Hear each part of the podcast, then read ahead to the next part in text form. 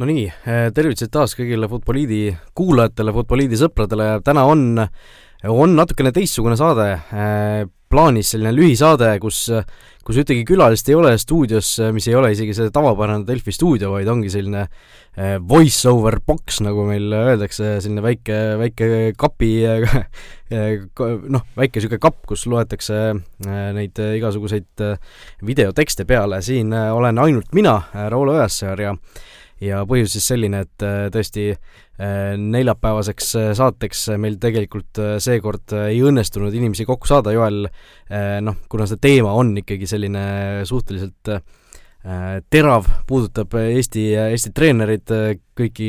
neid, kelle, kellega Joel tegelikult noh,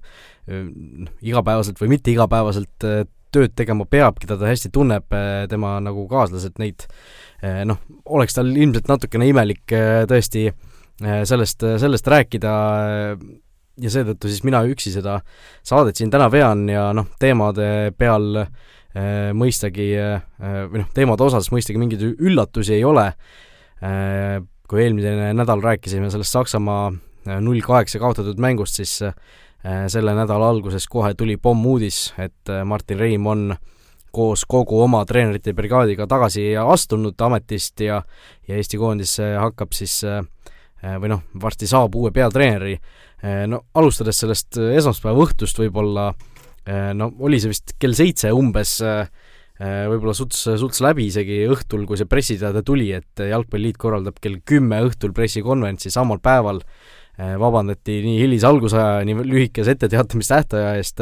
aga noh, minul käis kohe jutt läbi, kui ma nägin, olin noh, õnnega pooleks olin arvuti taga sel hetkel eh, ja see õhtu oli, oli selles suhtes vaba, et sai, sai tööd teha eh, ja sinna kohale minna, aga noh, kohe käis jutt läbi, kui ma seda pressi, pressiteadet nägin, seal küll ei öeldud, mis seal täpselt toimub, eks ju, et kas Martin Reim on, on, ma ei tea, vallandatud, on ta tagasi astunud, mis, noh, mis üldse toimub, ainus, ainus vihje oligi see, et puudutab meestekoondise hetkeseisu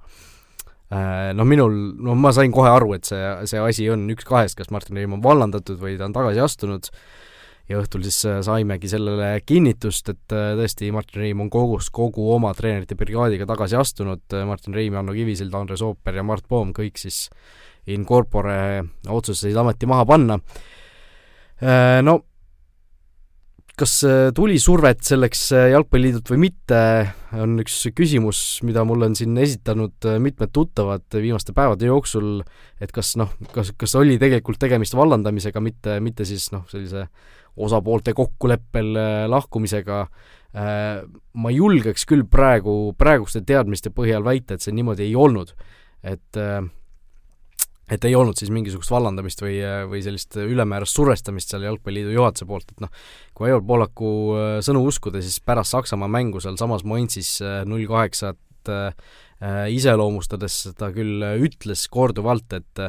et tema jaoks ei ole see praegu koht, kus ütleme, emotsionaalselt peatreener vallandada või või midagi säärast teha, et las need mehed tirivad ise selle vankri kraavist välja, nagu see see metafoor on siin äh, viimaste päevade jooksul juba kümneid ja kümneid kordi, selline tunne on läbi käinud igalt poolt pressikonverentsidelt, äh, lugudest äh,, igalt poolt mujalt, et äh, noh, ma ei taha uskuda, et ei, ei, ei tahaks uskuda, et see asi nagu nii kardinaalselt muutus, ütleme, Pohlaku meel siis selle paari päevaga, seal oli, oli kindlasti ko-, koosolekuid, seal oli kindlasti mingisuguseid arutelusid, keskustelusid, kõike muud seal vahel äh,, mis selle, selle mängule ja sellele otsusele lõpuks siis äh, või noh, nende kahe asja vahele jäi.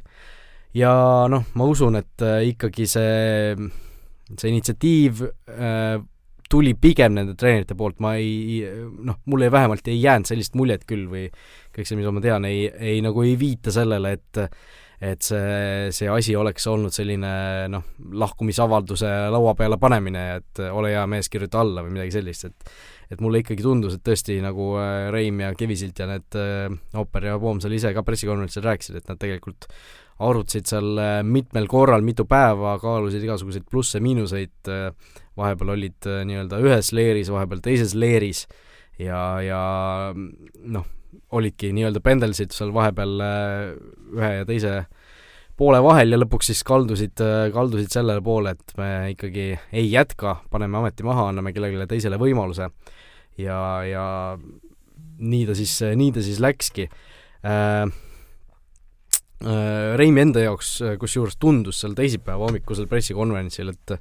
et noh, tema sellist kehakeelt ja kõike kõike seda juttu arvestades ja seda, kuidas ta seda juttu rääkis, no tundus väga, väga kusjuures, et see et see kogu otsus või see sündmuste käik, mis lõpuks siis sai, oli nagu noh, selline kergendus tema jaoks, et noh, ta küll ütles seal mingis intervjuus, oli see vist meie oma Delfile, et et, et noh, ta sai ju tegelikult kogu aeg rahulikult öösel magada, et mingisugust sellist asja küll ei olnud, aga aga noh, tundus küll selle kehakeele ja, ja jutu ja kõige selle põhjal, et et noh, ta, see oli justkui nagu suur selline kivi südamelt või kergendus, et et noh, ega meie võime siin ainult ette kujutada, mida võib üks äh, rahvuskoondise ja jalgpallikoondise peatreener tunda, millist pinget, millist survet, millist äh, vastutust, eks ju, et see noh, see on midagi, mida, mida ilmselt üheksakümmend üheksa koma üheksa protsenti inimestest kunagi tundma ei saa või või ei tea, mida see, mida see nagu tähendab, kui, kui tõesti äh, mõne, ma ei tea, erafirma juht tunnetab seda survet teistmoodi, siis siis kui sa oled ikkagi sellise suure koondise peatreener, siis sinu äh, Äh, noh, sinu taga on ikkagi kogu riik, sa esindad kogu riiki ja, ja vastutad selle, selle meeskonna eest, nii et see tõesti, see, mida tema tunda võis, äh, ilmselt äh, oli päris, päris selline jõhker, aga aga noh, lõppkokkuvõttes see tundus tema jaoks nagu kergendus olevat ja ma usun, et mingil määral vähemalt oli ka. Et nüüd on see periood nagu praeguseks vähemalt läbi ja ma üldse kusjuures äh, ei välista, et Martin Reim millalgi tulevikus saab uuesti Eesti koondise peatreeneriks, sellepärast et et see töö jäi, jäi tema puhul justkui natukene pooleli ja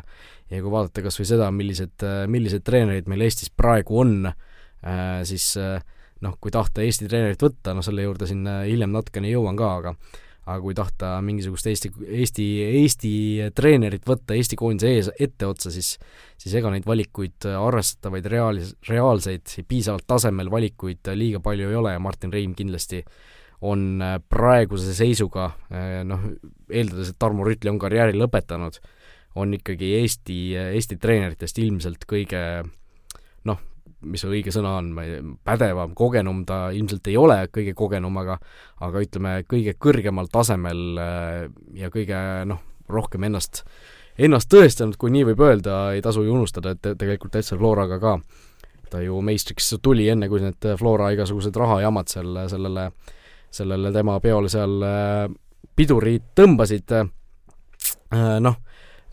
kogu seda pressikonverentsi, teisipäevast pressikonverentsi kokku võttes, siis äh, Reim oli ikkagi ääretult sümpaatne, jäi sümpaatseks lõpuni, eks ta on sümpaatne inimene olnud terve oma karjääri, terve oma mängija karjääri, terve oma treeneri karjääri, äh, ajakirjanikega suheldes ka alati hästi-hästi avatud, hästi noh,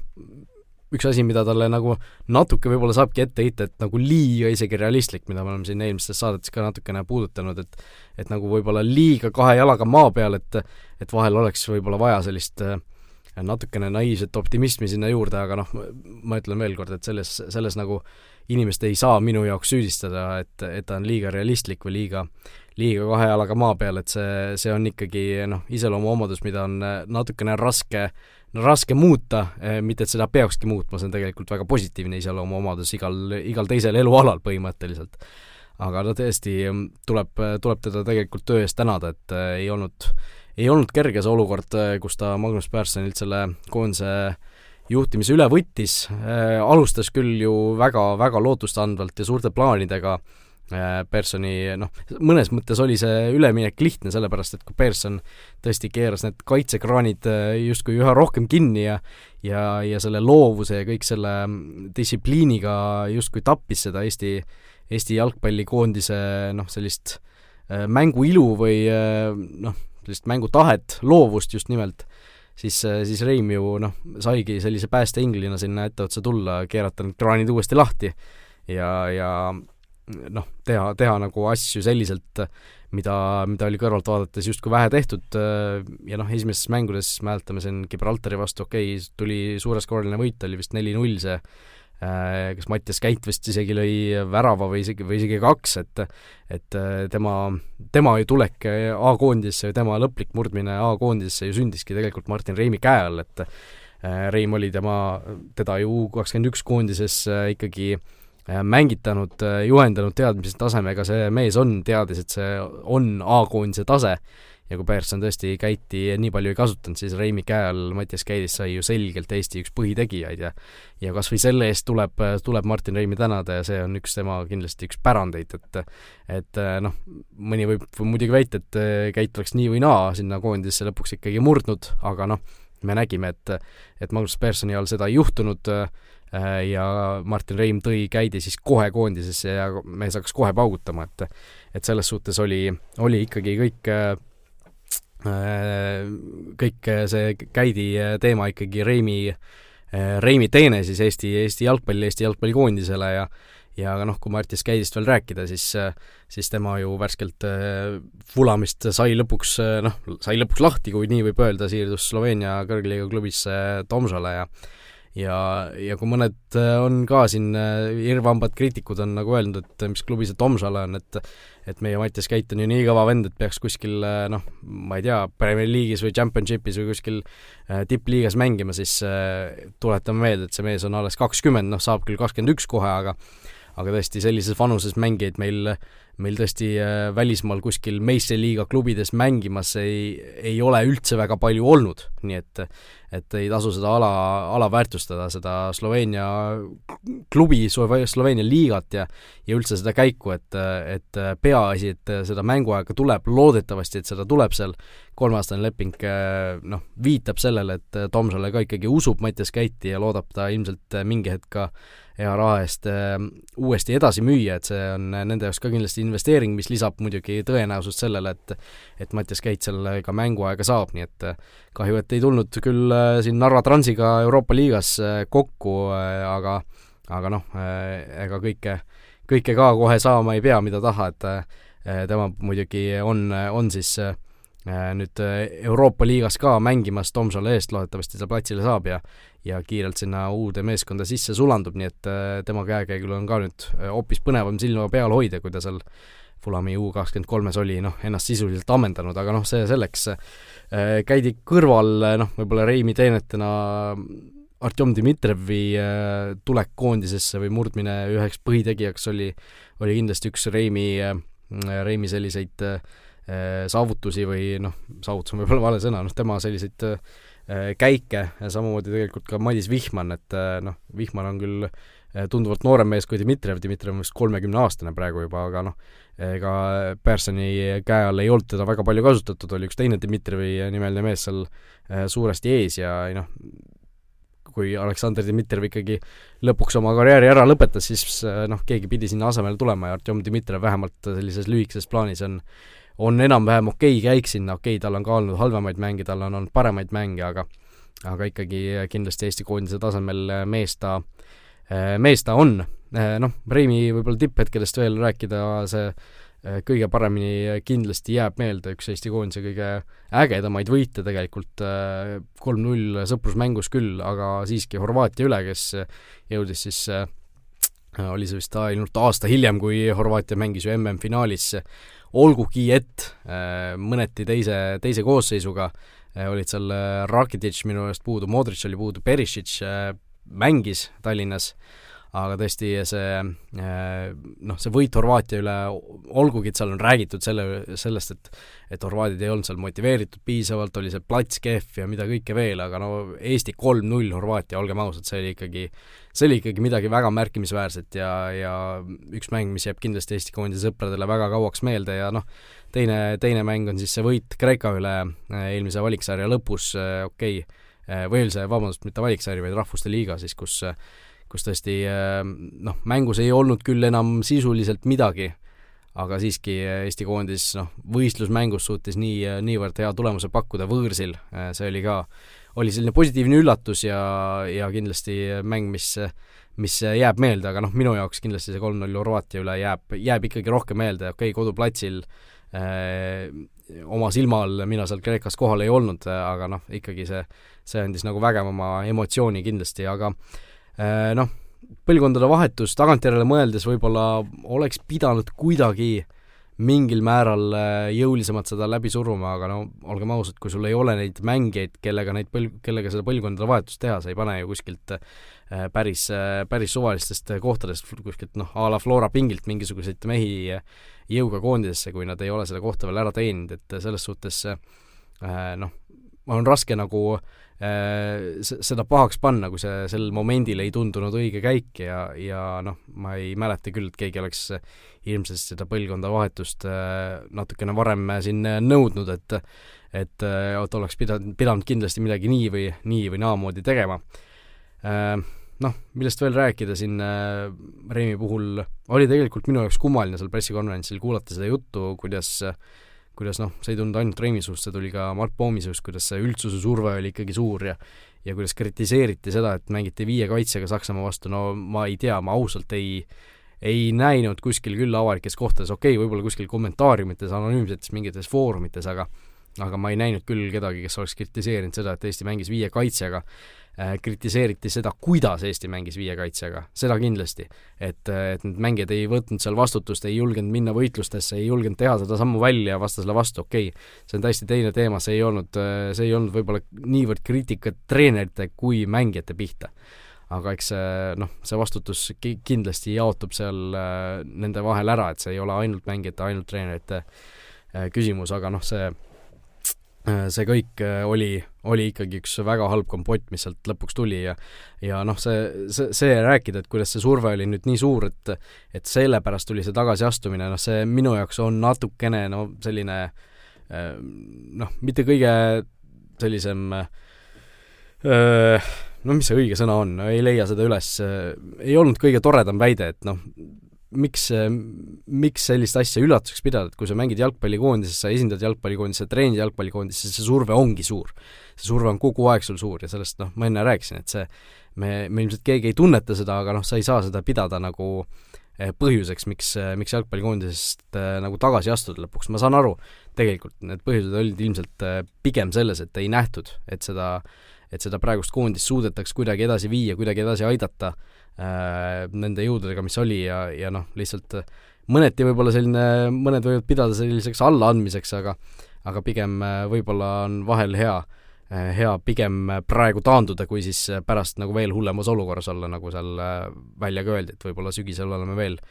veel kehvemas olukorras. aga noh, see Mart Poomi emotsionaalne tiraad seal oli, oli tegelikult päris äge kuulata ja, ja, ja sellist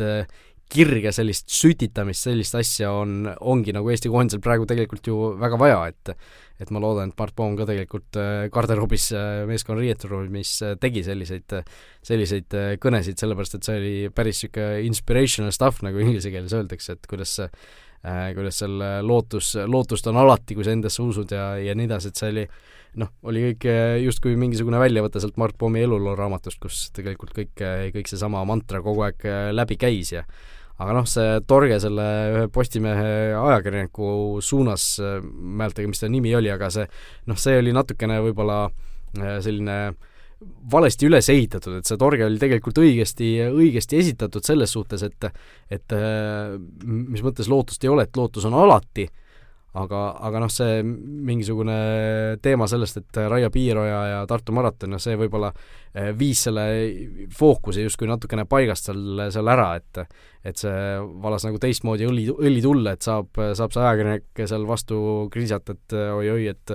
esitan siin väljakutseid ja noh, ma ei tea, mis ta võib selle, selle kõige peale hakata, ma ei tea, kas ta on midagi, midagi juba vastanud ka kuskil või ei ole, aga igatahes see oli oli tõesti äh, noh, natukene võib-olla liiast või, või liig-, liiku-, liigutas selle äh, selle nii-öelda fookuse pisut valesse kohta selle, selle kogu äh, jutu ju-, juures, et et põhisõnum oli ikkagi see, et, et ei tohi ju alla anda, tuleb endasse uskuda ja lootust äh, mitte kaotada, et see, seda nagu ei tasu selle, selle kogu äh, teema juures äh, kõrvust mööda lasta, aga, aga tõesti, nagu ma ütlen, sõnum oli, sõnum oli väga õige. Äh, no jalgpalli ju-, jalgpalliliidu juurde edasi minnes, siis äh, äh, Aivar Pohlaku jutt oli äh, samuti kohati ikkagi päris äh, noh, selline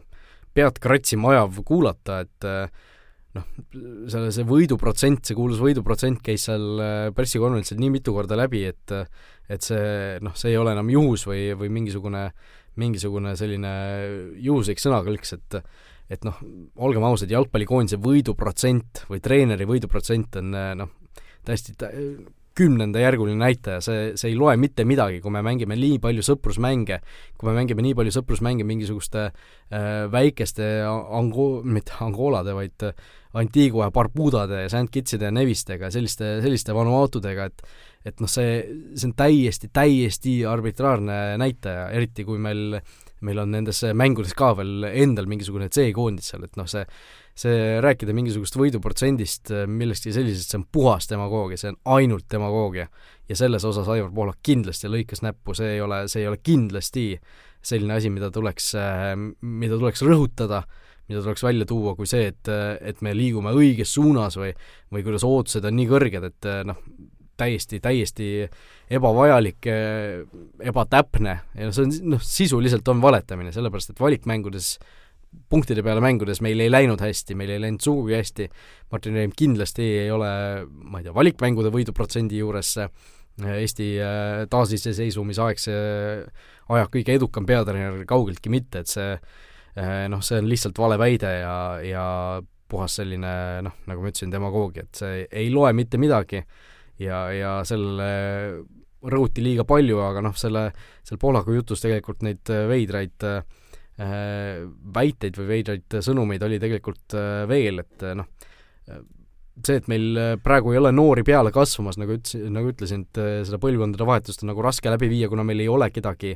siin vahepeal olnud, noh praegu on vaikselt uuesti tõusmas siin Lassi Sinjavskid ja Erik Sorgat, kõik, kes, kes siin noh, viimastes koondise mängudes peale said, Sorga küll siin Nõmme Kalju vastu jäi, jäi suhteliselt nähtamatuks, aga aga see noh,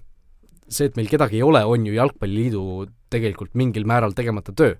Et äh, ma tean, et siin on äh, kritiseeritud seda, et klubide noortetöö ei ole võib-olla piisaval tasemel olnud äh, sellisel, sel tasemel, mille, mida tahaks Jalgpalliliit, aga aga Jalgpalliliidu jaoks ei tohiks see tulla ju üllatusena, see noh, nad peavad ju seda kogu aeg kaardistama, nad teevadki seda, ma usun täiesti, et nad teevadki seda, kaardistavad kogu aeg seda situatsiooni, et et see, et noh, sellele alles nüüd nagu jälile saadakse, on, on ikkagi mingil määral mööda lastud võimalus, mööda lastud aeg, äh, käest lastud mingisugused aastakäigud võib-olla isegi, et see selle juurde nagu nüüd tulla, noh see teema tõusetus ju tegelikult eriti teravalt pärast seda, kui kui me Belgias üks-kaheksa sauna saime, misjärel noh, kriisikoosolek korraldati ja nii edasi. et see tagantjärele mõeldes on nagu päris, päris veider selles, et noh, Rein pani taktikaga mööda, seal sisuliselt oli selle kaotuse, noh, selle kaotuse suuruse põhjus. et me läksime liiga, liiga uljalt pressima, liiga uljalt ründama seal ja saime nagu valusalt kõrvetada, et see, selle pealt nagu teha mingisugune kriisikoosolek kohe, et Eesti jalgpallis on kõik, kõik nüüd, kõik nüüd täiesti äh, täiesti mustad toonid, et see noh, see oli tagantjärele mõeldes nagu natukene kummaline, et eriti arvestades seda seisu, kus me praegu oleme. ja noh, ma mäletan, et pärast seda kaotust juba Pohlak rääkis sellest, et Jalgpalliliit peab jõulisemalt sekkuma klubide noortetöösse, klubide tegemistesse ja, ja noh, ilmselt mingil määral seda nüüd tehtigi, ma ei ole, praegu ei ole nagu ette valmistunud selles mõttes, et mida siis, mis need täpsed sammud olid, aga aga või noh, ma, see ei olegi praegu eriline point, aga aga noh, kui alles sellisel hetkel nagu suudetakse või saadakse aru, mis mis läheb kuskil kümme sammu tagasi või noh, mis, mis on praegu valesti, siis siis noh, see, see ei tohiks olla, ei tohiks tegelikult niimoodi olla, et et need A-koondise saunad, mis, mis nagu ei, ei tohiks olla need, mis need kellad lõpuks nagu helisema panevad, et need et noortekoondised kas või on ju meil aastaid, aastaid juba peksa saanud ja ei ole neid äh, võite ega viike isegi väga palju olnud, äh, nüüd alles see U seitseteist koondis, kus on üle aastate lootustandev selline äh, seltskond koos, see on alles hakanud mingisuguseid tulemusi näitama ja loodetavasti näitab seda veel, sellepärast et järgmisel aastal on siis kodus EM-finaalturniiril just need samad poisid mängimas, nii et nende peal on, on praegu võib-olla isegi natuke liiga suured lootused, et seal on ju noh, mõned või noh, mitte mõned, vaid ilmselt paljud isegi Eesti jalgpallisõbrad teavad neid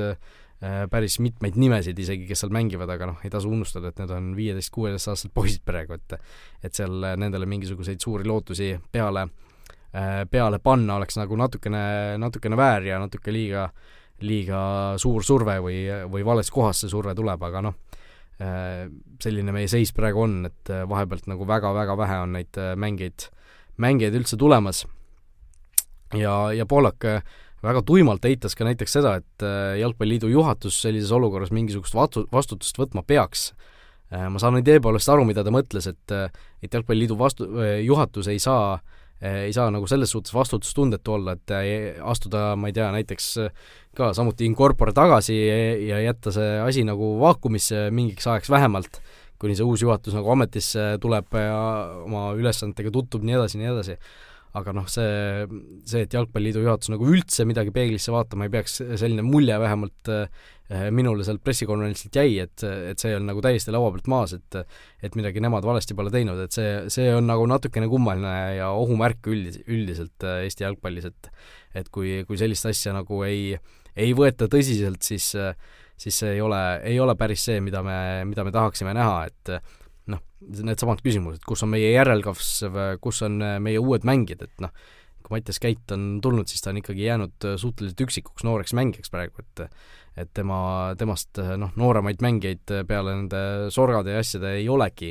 koondises ju praegu olnud, et ja, ja Käit on juba mitu head aastat ju mänginud tegelikult, et et see noh, ei tahaks öelda, et, et meil ei ole üldse nüüd noori peale kasvamas või või milles küsimus on, sest tegelikult sealt mõned aastad hiljem hakkavad need mängijad tulema vaikselt, kes on siin välisakadeemiates mõni ja, ja suurte klubidega lepinguid sõlminud ja nii edasi, aga aga noh, see vahepealsed aastakäigud on ikkagi jäänud suhteliselt tühjaks ja ja ei saa väita nüüd kuidagi, et, et see oleks äh, oleks mingisugune juhus, oleks mingisugune selline õnnetu kokkusattumus, et seal on ikkagi mingisugune, mingisuguste aastakäikudega või mingisugusel perioodil mingisugune tegemata töö, mille eest siis ikkagi keegi lõpuks peab vastutama ja noh, oleks ju hea vähemalt, kui kui keegi midagi selle, selle kohta välja ütleks, mis seal, mis seal siis valesti on läinud. Aga noh, uuest peatreenerist tuleb ka rääkida, äh, kes see on, seda me veel ei tea, äh, Aivar Pohlak ütles väga huvitavaid selliseid mõistatusi, andis seal, et et kaks kandidaati, kes ta, kelle ta kohe siis sellel juhatuse koosolekul äh, poolteist tundi pärast seda, kui ta Martin Reimiga jutuajamise lõpetas, poolteist tundi pärast seda siis esitas juhatusele kaks, kaks konkreetset kandidaati, üks eestlane, üks välismaalane, nii palju kui teada on või kuulda on olnud, siis pigem tundub, et Äh, väga suure tõenäosusega see number üks variant on siis välismaalane ja number kaks või noh, siis väike niisugune varuvariant on eestlane, aga noh, eks näis, võib-olla me ei pruugi kunagi teada saada, kes need kaks on, võib-olla me teame üldse, kes äh, või noh, võib-olla ütlevad mõlemad ära või, või ei jõuta kokkuleppele, tuleb mingisugune kolmas variant uuesti, seda ma ei tea veel, aga noh, see, see, et ta niimoodi välja ütles, need näitab nagu mõneti mitut asja et äh, ühest küljest äh, mul jäi nagu tu-, tunne see, selles, selles vallas, et et äh, see välismaalane, et no okei okay,, Pohlak on varem ka rääkinud sellest, et isegi siis, kui kõik on korras koondisega, see radar kogu aeg nii-öelda töötab, kes võiks olla järgmine peatreener potentsiaalsetel kandidaatidel, hoitakse silma peal. Ja, ja noh, see, aga see, et Pohlak ütles, et et juuni lõpuks lo-, loodetakse siis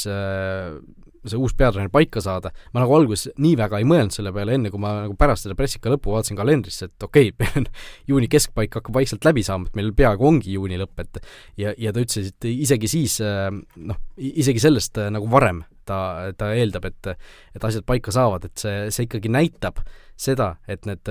need inimesed ei ole mingisugused täiesti võõrad, ei, ilmselt ei ole tegu mingisuguse uue Magnus Pärssoniga, kes tuli noh, Eesti jalgpalli mõistes tühja koha pealt või, või kuskilt eelneva kokkupuuteta, et et see välismaalane ilmselt ikkagi on Eestiga seotud olnud ja ma noh, olen suhteliselt veendunud, et see inimene, keda ta mõtles, võis olla Arno Paipers. sellepärast et noh, need noh, nii-öelda need vihjed või või, või kõik tundub nagu väga loogiline, et noh, Pipers on ju Eesti jalgpalliga olnud aastaid-aastaid seotud, et see lisaks sellele, et ta siin eh, kas oli viis või kuus aastat eh, töötas eh, koondise peatreenerina, siis ta on ju olnud pärast seda veel korduvalt ja korduvalt igasuguste erinevate projektidega seotud, ta siiamaani viib läbi neid UEFA Pro litsentsi koolitusi, noh, Pro litsents on ka üks eeldus tegelikult ju ja jalgpalli tipptreeneriks saamisele, meistriliiga treeneriks või, või siis ka noh, koondise treeneriks ja, ja Pipers on noh, olnud tehniline direktor jalgpalliis, tal on kogu aeg olnud Pohlakuga head suhted, ta oli siin Floras paar aastat tagasi, eelmisel suvel isegi tuli ju korraks euromängude perioodiks appi Jürgen Hennile, et et see noh, see Pipersi tulek tundub nagu, või noh, Pipersi valik tunduks nagu väga loogiline. ja, ja lisaks, lisaks veel ka siis see, et et Pipers ju kahe tuhande kaheteistkümnendal aastal, kui oli Eestil U üheksateist koondis, kes mängis suvisel EM-il, siis siis aasta alguses seal või noh, juba selle eelmise aasta lõpus, ilmselt kaks tuhat üksteist lõpus, kui otsustati Frank Bernhardist loobuda, kes oli siis seni sedasama koondist vedanud, siis siis just Arno oli see mees, kes, kes tuli Aivar Pohlakule, Eesti Jalgpalliliidule, Eesti jalgpallile appi ja võttis selle U üheksateist koondise enda, enda hallata, et kui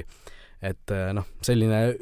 üks nagu pretsedent on selles suhtes olemas, et miks ei võiks nagu Pohlak veel või Pipers veel veel siis äh, selle asja üle võtta. Ja noh äh,, kui me meenutame seda, miks Arno Pipers tegelikult Florast lahkus viimati kaks tuhat seitseteist lõpus, oli see siis äh, seetõttu, et äh, tõesti perekondlikult põhjused sisuliselt, et ei taha kogu aeg Eestis olla, Eestis elada, siis äh, noh, koondise peatreener vähemalt mingisuguse idee poolest sobiks, sobiks sellesse konteksti paremini, et ta ei peagi kakskümmend neli seitse Eestis olema, ta, ta saab, ta saab olla ikkagi päris palju ka kodus seal oma perega Hollandis, et et see, või noh, Prantsusmaal või kus iganes ta elab, et see, see sobiks nagu selles suhtes paremini ja ma usun, et Pipers oleks, oleks valmis seda tööd vastu võtma, vanust ei ole tal ka veel liiga palju, peaks vist kuuskümmend olema praegu, et et ei ole, ei ole nagu liiga vana mees veel ja, ja, ja miks mitte selline väljakutse siis veel korra vastu võtta, e, e, noh, eriti arvestades ka seda, et ta pro-litsentsi läbiviijana e, on Eesti treeneritega väga, väga tuttav, väga selline ja Eesti jalgpalliga ka kindlasti, et, et see ei oleks nagu selline võõras kohas vette hüppamine tema jaoks. ja kindlasti see tundub nagu kõige loogilisem valik praegu aga noh, kes see teine Eesti kandidaat võiks olla, see on nagu minu jaoks veel huvitavam küsimus, sellepärast et äh, sarnane olukord on pärast, äh, siis sellega, pärast seda, kui Tarmo Rüütli äh, ära noh, mitte ära lõpetas, vaid vaid kui Tarmo Rüütliga leping lõppes, seda ei pikendatud enne seda, kui Magnus Persson toodi, oli siis olukord selline tõesti, et neid sobivaid Eesti kandidaate ei olnud piisavalt, Martin Reim oligi järgmine mees nii-öelda radaril, aga noh, toona ei leitud, et ta oleks veel selleks ametipostiks valmis ja, ja seetõttu siis äh, äh, võetigi selline noh, see kuulus väljend sildtreener sinna vahele, kes siis äh,, kes siis äh, Pär-, Pärsoni näol, kes siis Rüütlist Reimini seda seda teekonda sillutama nagu pidi ja noh, lõpuks see teekond osutus äh, küll mõnevõrra pikemaks tegelikult, kui kes mäletab, siis tegelikult ta, temaga ju lepingut vahepeal isegi pikendati, kas seal oli, alguses oli see leping kaheaastane, oli vist üks valiktsükkel või või oli isegi kaks või poolteist, ma ei mäleta, kuidas see täpselt välja nägi, aga igatahes Äh, pikendati seda äh, lepingut siis veel üheks tsükliks, aga sellesama tsükli poole peal siis äh, usaldus äh, meeskonna poolt Pearsoni vastu kadus ja, ja tuligi see kiire vallandamine. Ja noh, praegune olukord on mõneti sarnane, sest noh, reaalselt ei ole näha, et ükski Eesti treener äh, oleks nii-öelda väga loogiline valik siin, et et äh, noh, kolm nime võib-olla, Norbert Hurt äh,, Karel Voolaid, Igor Prins. Marko Kristal oleks võib-olla neljas, neljas valik selles, aga no ma tõesti, ma tõesti ei usu, et Marko Kristal oleks,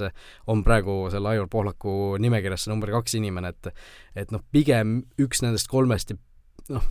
seal on raske nagu, kõigile, kõigil neist kolmest on nagu selliseid eelisi, mis mis justkui asetaks ta nendest kolmest kõrgemale, samas noh, on raske, raske näha, mis seal Pohlaku, Pohlaku peas toimub või Jalgpalliliidu juhatuse juhatuses, et mis, mis need täpsed argumendid seal on, mis need täpsed kaalutlused on, kuidas, kuidas neid valikuid tehakse, aga noh,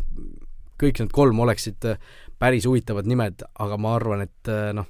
ma ei näe praegu, et ükski neist kolmest oleks nagu päris valmis sinna Eesti koondise etteotsa asuma. noh, Prins on neist kolmest selgelt kõige varem, kõige kogenum, aga noh, temagi on ju siin teinud äh, tööd, äh, ma ei tea, kas esiliiga B-s mängiva Pärnu JK-ga viimase, viimastel aastatel, et või noh, viimase aasta-pooleteise jooksul, no igatahes äh, ta ei ole ka tippjalgpalliga nagu seotud olnud päris tükk aega juba. Ja noh, mitte et ma kahtleks, et ta, ta seda uuesti suudaks, aga noh, see, see nagu mingil määral ikkagi jätab sind sellest, sellest kõigest suurest mängust kaugemale, kuigi noh, autoriteedi mõttes, motivaatori mõttes, mida siin, mida siin on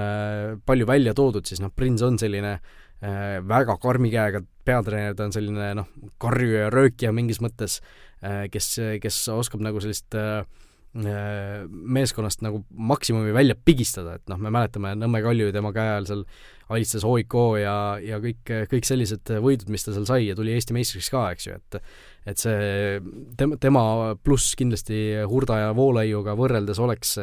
oleks see selline noh, automaatne autoriteet, ma ütleks selle kohta siis, et et kui see mees sisse astub, siis, siis noh, ilmselt nooremad mängijad natukene pelgavad teda, et noh, selline suur mees valju häälega, karmi ütlemisega ja kõige sellega, et et see, see on võib-olla tema selline suurim,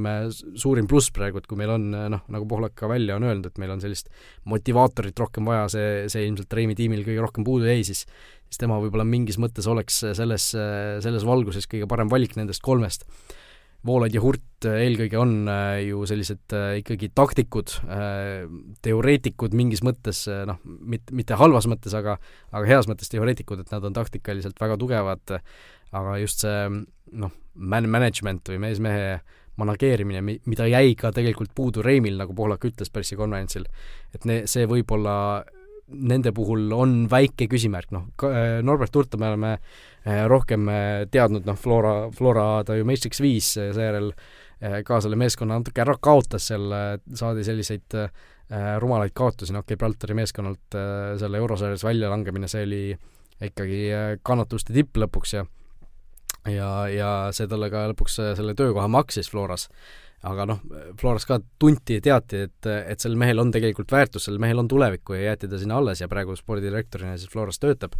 ja, ja noh, U seitseteist koondises äh, ta on teinud, noh, tuleb öelda, et head tööd, äh, seal on ju spordipsühholoog on kõrval, äh, kes, kes võib-olla ka on, on seda vankrit kõvasti edasi vedanud ja ilmselt see pilootprojekt on õnnestunud, ma eeldan. Vähemalt kõrvalt, kõrvalt tundub nii, et loodetavasti Norbertil jätkub seda tarmukust äh, U17 koondisega jätkata, et et tema käe all äh, ma eeldan küll, et see, see koondis ikkagi tahab sinna finaalturniirile minna, et et oleks sinna vaja ikkagi jällegi keegi teine asemele ju leida, kui, kui Norbert Hurt oleks see valik, keda Aivar Poolak silmas peab. Ja noh, Karel Voolaid oleks selles mõttes loogiline valik, et ta on praegu U kakskümmend üks ja noh, ka U kakskümmend kolm koondise peatreener, täpselt nii, nagu oli Martin Reim enne seda, kui ta Äh, A-koondise peatreeneriks sai ja noh, see U kakskümmend üks treeneri ülendamine peatreeneriks on siis äh, noh, suures jalgpallis ju teadupoolest suhteliselt selline tavaline või tavapärane käik, et et äh, noh, eks, eks ole näha, Karel Voolaiu äh, treeneri omadustest me võib-olla nii palju ei teagi, kuna noh, tema on küll meistriliigas korra Nõmme Kalju peatreener olnud, aga see oli ikkagi päris tükk aega tagasi, kui ta oli ikkagi verinoor mängija ja noh, selles suhtes äh, ju äh, päris äh, kummalise sellise teekonnaga mees, et pärast seda, kui ta oli peatreener, siis aastaid hiljem ta oli meistriliigas uuesti mängija, nii et et äh, või noh, mitte uuesti mängija, ta vist varem ei olnudki olnud mängija ja siis tuli nagu mängijana ka platsile Paide eest, et see tema, tema selline karjääri kõver on olnud ikka päris, päris nagu omapärane.